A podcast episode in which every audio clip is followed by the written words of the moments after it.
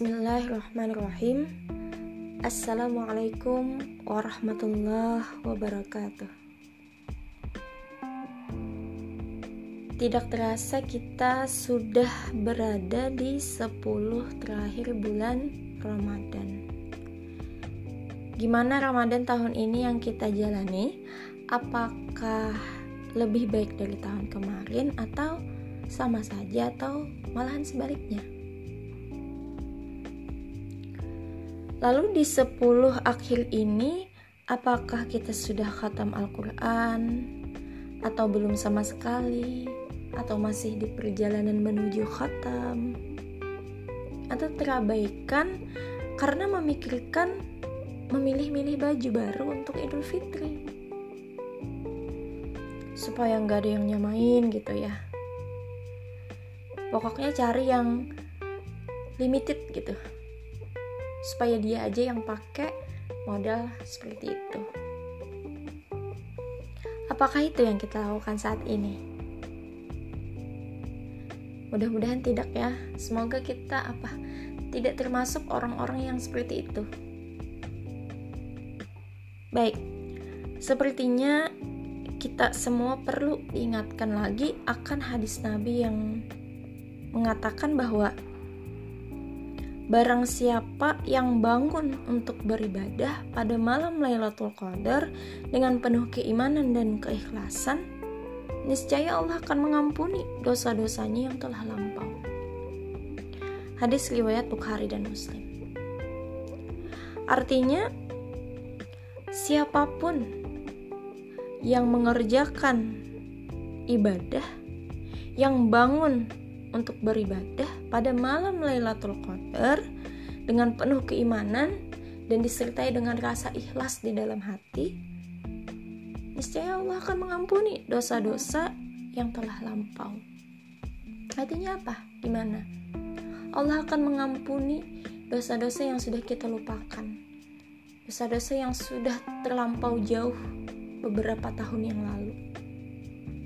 Allah akan ampuni kalau kita bangun untuk beribadah dengan niat dan keikhlasan dari dalam diri kita, maka Allah akan mengampuni segala dosa-dosa kita.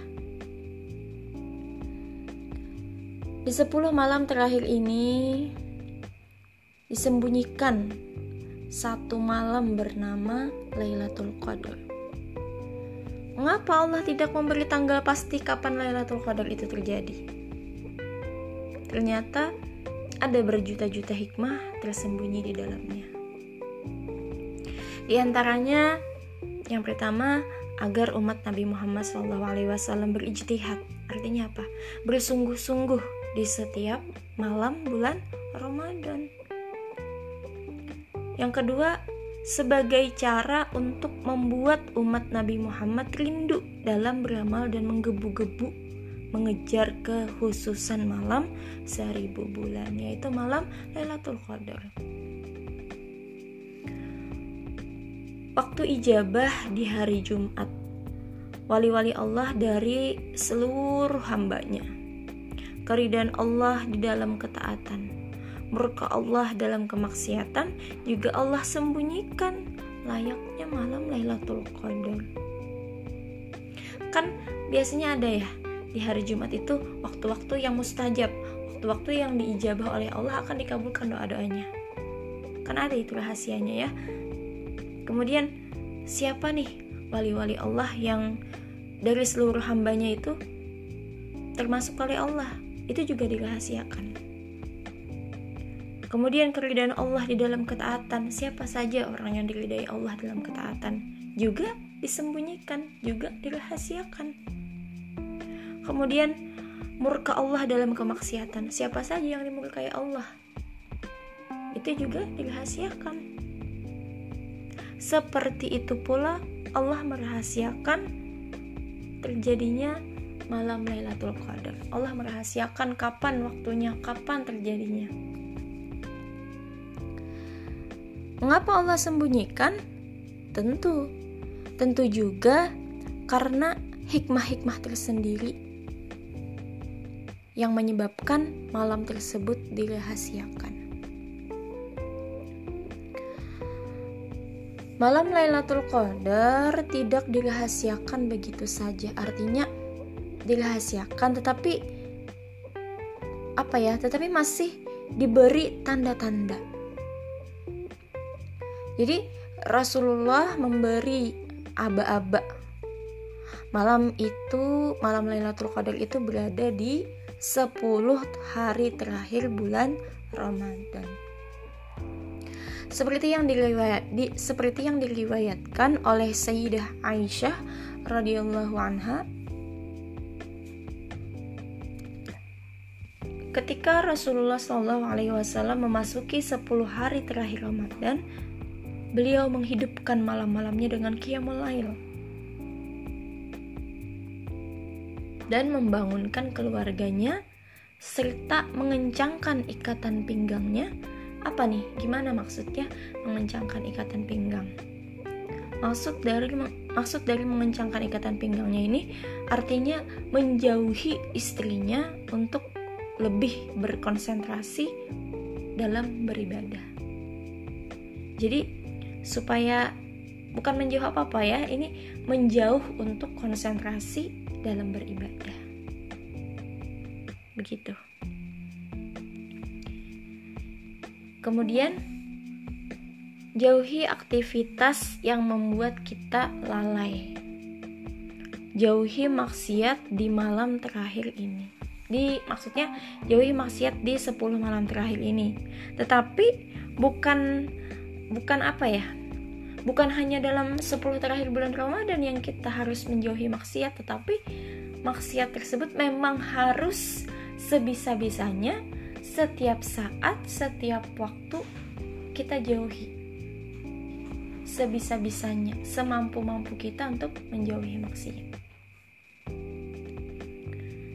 Bukan hanya di 10 malam terakhir ini, gitu ya. Karena barang siapa yang terharamkan dari malam Lailatul Qadar, berarti ia terharamkan dari kebaikan.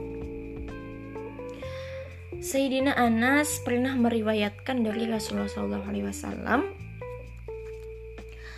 Sungguh bulan mulia ini telah berada di tengah-tengah kalian Yang di dalamnya terdapat malam yang lebih baik dari seribu bulan Barang siapa yang terharamkan dari malam itu Maka ia terharamkan dari seluruh kebaikan Jadi barang siapa nih or, siapa pun Siapa pun yang terharamkan dari malam itu, maka ia terharamkan dari semua kebaikan yang diberikan Allah pada malam Lailatul Qadar. Karena ada ya beberapa beberapa hamba bukan gimana yang ngomongnya karena ada beberapa orang yang terharamkan karena suatu sebab hal apa hal apa misalnya yang membuat dia terharamkan dari malam Lailatul Qadar.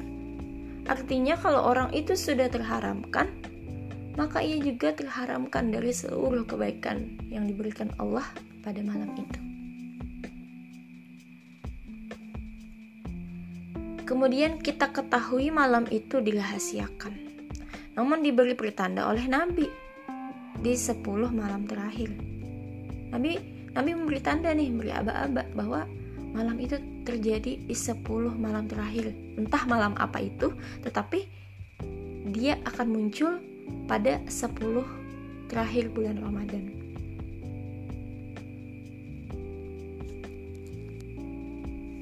Misalnya nih ya, hari ini siangnya cerah ya, gitu. Suasananya sejuk. Kayaknya malam ini malam Lailatul Qadar. Ada sebuah perkataan seperti itu. Sebuah mitos. Jadi kata-kata itu ternyata bukan cuma mitos atau kata orang atau kata orang-orang tua. Bukan bukan hanya mitos. Karena apa di dalam kitab Lailatul Qadar bukan? Maksudnya gini. Di dalam kitab Lailatul Qadar karangan Al-Habib Muhammad bin Alwi Al-Idrus disebutkan tanda-tanda malam Lailatul Qadar. Di antaranya adalah yang pertama banyak malaikat yang turun ke bumi dan jumlahnya tidak terhingga. Kita memang tidak bisa melihatnya ya, namun ini benar adanya. Berdalilkan nas Al-Quran, Tanazzalul malaikatu warruhu fiha biidni rabbihim min kulli.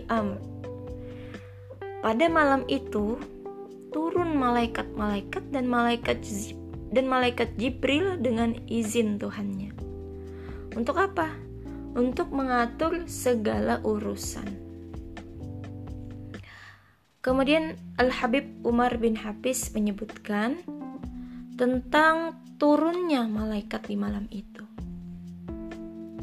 Malaikat Jibril akan menemuinya tergantung seberapa siap dia menghadang pemberian Allah dan jika disalami tangannya oleh malaikat, maka hatinya akan lembut dan mudah menangis karena takut pada Allah. Yang kedua, harinya cerah, tidak panas dan tidak dingin karena penuhnya malaikat di muka bumi ini. Karena malaikat turun. Yang ketiga, matahari di pagi itu kemerah-merahan dan terbitnya tidak terlalu bersinar. Apa ya? tidak terlalu panas gitu tidak yang cerah banget tuh enggak tapi terbit namun sejuk gitu pernah nggak ngerasain yang kayak gitu kayaknya pernah deh ya ada kadang-kadang matahari memang terbit tapi bawaannya tuh sejuk gitu seperti hadis Rasulullah SAW Sesungguhnya matahari terbit di hari itu tapi tidak bersinar. Kayak mungkin seperti apa ya? Matahari terbit tapi tidak bersinar. Gimana ya?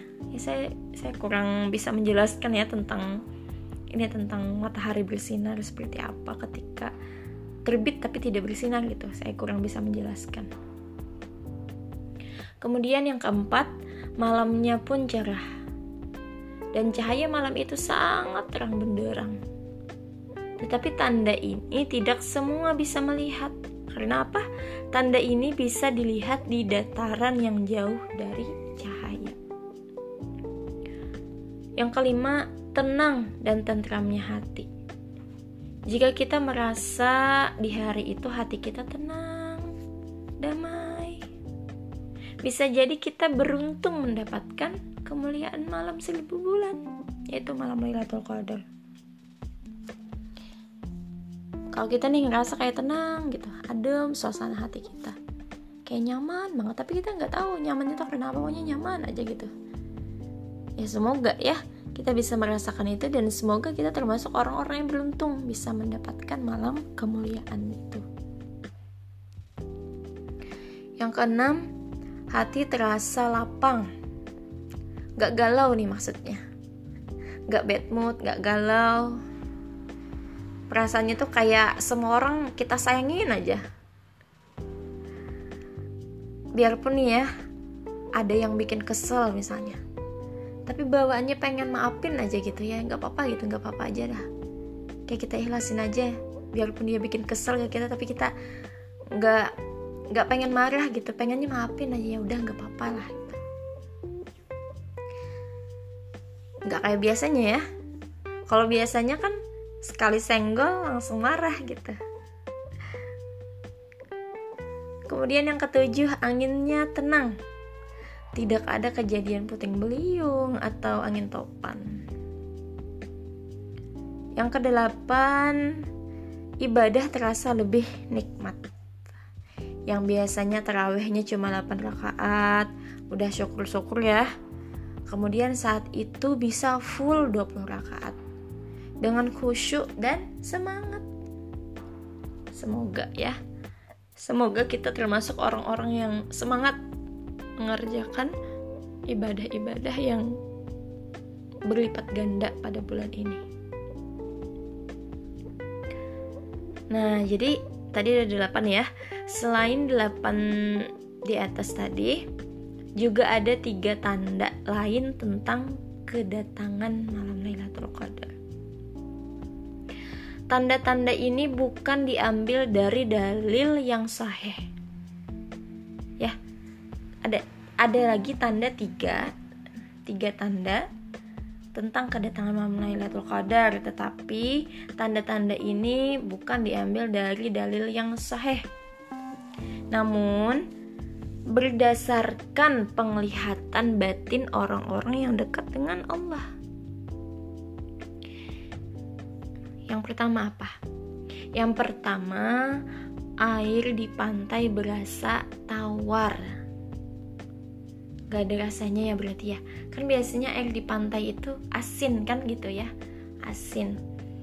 Tapi ini tiba-tiba air di pantai air di pantai ras rasanya tuh tawar. Gak ada rasa kayak teh tawar gitu. Manis enggak? Asin enggak? Pahit juga enggak? Kayak tawar aja. Kosong rasanya Kemudian yang kedua, tidak ada anjing yang menggonggong pada malam itu. Itu juga ini apa ya? Ini tanda-tanda yang tanda-tanda yang sepenglihatan batin orang-orang yang dekat dengan Allah. Itu tadi yang kedua ya, tidak ada anjing yang menggonggong. Kemudian yang ketiga apa? Yang ketiga, daun-daun tampak berguguran padahal bukan musim gugur bukan musim gugur. Tapi daun-daun banyak berguguran nah jadi ada tiga tanda baru ada ada tiga tanda yang berdasarkan penglihatan batin orang-orang yang dekat dengan Allah. Jadi tanda-tanda di atas tadi yang tiga tadi bisa ya kita rasakan bisa kita lihat. Atau kita tebak-tebak nih kenapa nih misalnya air pantai kok rasanya nggak asin? Kemudian wah kayaknya malam ini anjing tidak ada menggonggong deh. Misalnya nih kita malam bangun ya tapi tidak ada terdengar anjing menggonggong pada malam itu. Bisa kita rasakan ya. Kemudian yang ketiga daun-daun tampak bergugur. Daun-daun tampak berguguran artinya apa? Bisa kita lihat nih wah daun-daun tampak berguguran. Banyak misalnya. Padahal bukan musim gugur. Nah, itu juga bisa kita lihat bisa kita rasakan. Tapi jangan sampai karena terlalu fokus sibuk mem, apa ya sibuk memandangi matahari fokus memandangi daun-daun yang jatuh.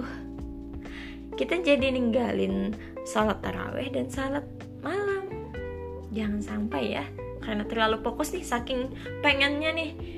Mau tahu nih malam ini Lailatul Qadar apa enggak? Gitu. Jangan sampai kita saking pengen nungguin malam Lailatul Qadar tapi kita malah meninggalkan salat tarawih atau salat malam itu juga percuma ya. Jadi kita malah cuma nunggu tapi nggak menghidupkan malam tersebut dengan beribadah. Jangan sampai. Kita coba aja di 10 malam terakhir ini terus beribadah sambil meningkatkan lagi kualitas ibadah kita yang biasanya ngajinya misalnya beberapa lembar dibanyakin lagi. Terus yang biasanya terawihnya 8 rakaat ditambahin lagi jadi 20 rakaat. Gitu. Pokoknya dibanyakin aja terus ibadahnya jikirnya istighfarnya salawatnya semuanya. Ya. Kemudian marilah kita menyibukkan diri kita dengan ibadah kepada Allah. Sehingga kita bisa turut merasakan apa yang kaum salihin rasakan di malam itu. Ya semoga kita bisa ya merasakan juga apa yang orang-orang saleh rasakan di malam itu. Kita juga bisa gitu ngerasain. Semoga ya. Agar apa agar menjadi manusia yang beruntung di dunia dan di akhirat. Gitu. Jadi ini adalah 10 malam terakhir bulan Ramadan dan semoga kita bisa merasakan, bisa mendapatkan bisa mendapatkan, bisa merasakan bisa menjumpai berjumpa dengan malam Lailatul Qadar dan mendapatkan keberuntungan-keberuntungan yang Allah berikan pada malam itu. Gitu. Amin ya. Amin Allahumma amin. Semoga Allah memberi kita taufik untuk memperoleh malam itu, malam rahasia, malam rahasia yang yang telah disediakan Allah untuk umatnya, untuk hambanya. Gitu. Amin Allahumma Wallahu a'lam bishawab. Kiranya ini saja yang dapat saya sampaikan. Saya sadar bahwa di dalam penyampaian saya kali ini banyak kata-kata yang salah. Ibaratnya banyak kehilapan kata-kata. Semoga bisa dipahami. Saya mohon maaf atas semua kesalahan dan terima kasih untuk semua orang yang mau mendengarkan podcast ini dan semoga kita termasuk orang-orang yang beruntung bisa bertemu dengan malam Lailatul Qadar dan mendapatkan keberuntungan-keberuntungan pada malam itu. Amin Allahumma amin. Cukup sekian. Wassalamualaikum warahmatullahi wabarakatuh.